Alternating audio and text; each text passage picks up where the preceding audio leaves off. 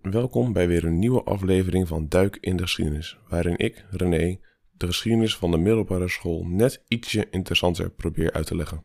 En waar je naar kan luisteren als je niet hebt geleerd, maar toch je kamer nog moet opruimen.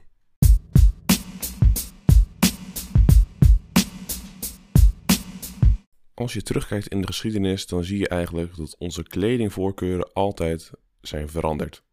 Zoals je vroeger misschien hoepelrokken en capes zag in het straatbeeld, zie je tegenwoordig daar geen een meer van terug en zie je ze vooral in museums. Er zijn echter een aantal voorbeelden van kledingstukken die zich hebben weten te ontwikkelen tot tijdloze klassiekers. En één daarvan is de zogenaamde trenchcoat. Die zie je tegenwoordig nog vaak genoeg op straat, uh, vaak bij mannen voor een wat nettere jas, bij vrouwen dragen hem ook vaak. En deze jas heeft eigenlijk al een hele lange geschiedenis, is dus eigenlijk al honderden jaren oud. De oorsprong van de trenchcoat ligt in de Eerste Wereldoorlog. In dit militaire conflict vochten Groot-Brittannië en Frankrijk gezamenlijk tegen Duitsland, waarbij de strijd in 1914 vastliep en uitliep in een loopgravenoorlog. De soldaten kwamen hierbij gewoon maanden, weken lang in modderige loopgraven te liggen, die als het ging regenen ook nog helemaal onderliepen. De legeruniformen uit die tijd waren hier absoluut niet op berekend. En je zag het ook vooral bij de Engelsen, want hun kleding was gemaakt van schapenwol, hun jassen. Dat die meteen um, zich compleet volzogen met water. En dit had als gevolg dat er vele uh, soldaten dood zijn gegaan aan uh, ziektes van de kou. Zelfs de Britse legerleiding moest eraan geloven en daarom gingen zij, omdat de winter eraan kwam, gingen zij op zoek naar een nieuwe winterjas, een alternatieve winterjas. En dit zou uiteindelijk de trenchcoat worden. Het is niet helemaal duidelijk wie de trenchcoat heeft uitgevonden. Er zijn twee bedrijven die allebei claimen dat zij hem hebben ontworpen. Maar wat wel duidelijk was, is dat dit de absolute ideale jas was voor in de loopgraven.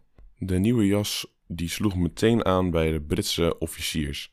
De waterdichte stof bood veel bescherming tegen de regen, evenals de loshangende flap aan de achterkant, waardoor je nog veel bewegingsruimte had. Daarnaast uh, was die jas, uh, kwam de jas tot ver over de knieën, waardoor hij lang genoeg was om je bovenbenen lekker warm te houden, maar je kon nog steeds door de modder van de loopgraven lopen zonder dat je jas helemaal vies werd. Daarnaast had de trenchcoat grote zakken waar de officieren al hun uh, benodigdheden in konden stoppen en hadden ze een soort ventilatieopeningen, waardoor ze af en toe eventjes al de hele boel konden laten luchten als ze het te warm kregen. Al met al maakte de trenchcoat het leven in de loopgraven natuurlijk een stuk makkelijker. En daarom heeft het uiteindelijk de naam trenchcoat gekregen. Trench betekent in het Nederlands loopgraaf. De trenchcoat was echter niet gratis. Militairen die deze jas wilden dragen, moesten hem uit eigen zak betalen. De trenchcoat kostte 3 tot 4 pond wat voor ons nu heel weinig lijkt, maar voor een soldaat uit die tijd was dit drie of vier maanden aan soldij. En soldij is het loon wat een soldaat krijgt ongeveer. Hierdoor ontwikkelde de trenchcoat zich als een soort statussymbool onder de Britse officieren. Dit ging zo ver dat de legerleiding op een gegeven moment iedereen onder de rang van sergeant-majoor verbood om de jas te dragen. Ironisch genoeg had dit uh, de had het effect dat het sterftecijfer onder de Britse officieren behoorlijk steeg, omdat de Duitse sluipschutters nu makkelijk konden weten wie de hoge officieren waren van het Britse leger. Ondertussen in Engeland golden de regels dat alleen major sergeanten de trenchcoat mochten dragen natuurlijk niet. En hier ontwikkelde de trenchcoat zich tot een heus modeartikel. Zowel mannen als vrouwen droegen de jas en dit was eigenlijk vooral in de tijd van oorlog om te laten zien dat ze meeleefden met alle soldaten die in de trenches lagen, die in de geloopgraven lagen en die het zo ontzettend zwaar hadden. Toen in 1917 de Amerikanen zich ook in de strijd mengden aan de kant van Groot-Brittannië en Frankrijk, maakten zij natuurlijk ook kennis met de jas. En via de Amerikaanse soldaten is het kledingstuk al snel in de Verenigde Staten terechtgekomen. Omdat de trenchcoat zo sterk was verbonden met de Eerste Wereldoorlog, had iedereen eigenlijk verwacht dat deze zou verdwijnen nadat uh, in 1918 de wapenstilstand was gesloten. Dit gebeurde echter niet, want eigenlijk alle veteranen waren enorm gehecht geraakt aan hun trenchcoats en droegen deze daarom ook nog na de oorlog.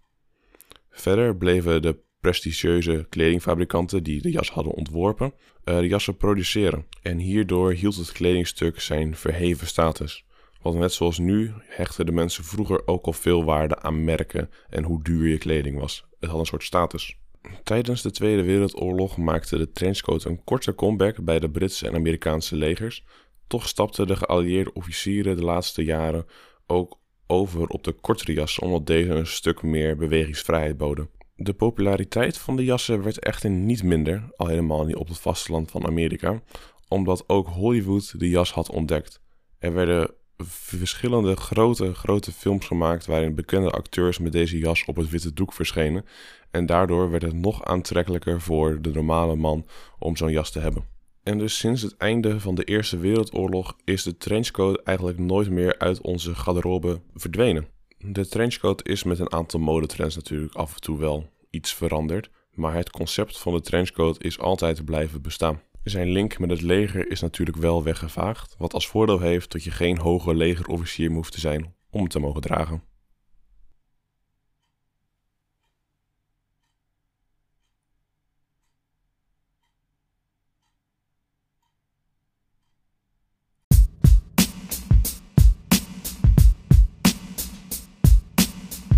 Dit was het einde van de aflevering. Ik wil jullie allemaal heel erg bedanken voor het luisteren en hopelijk hoor ik jullie de volgende keer weer.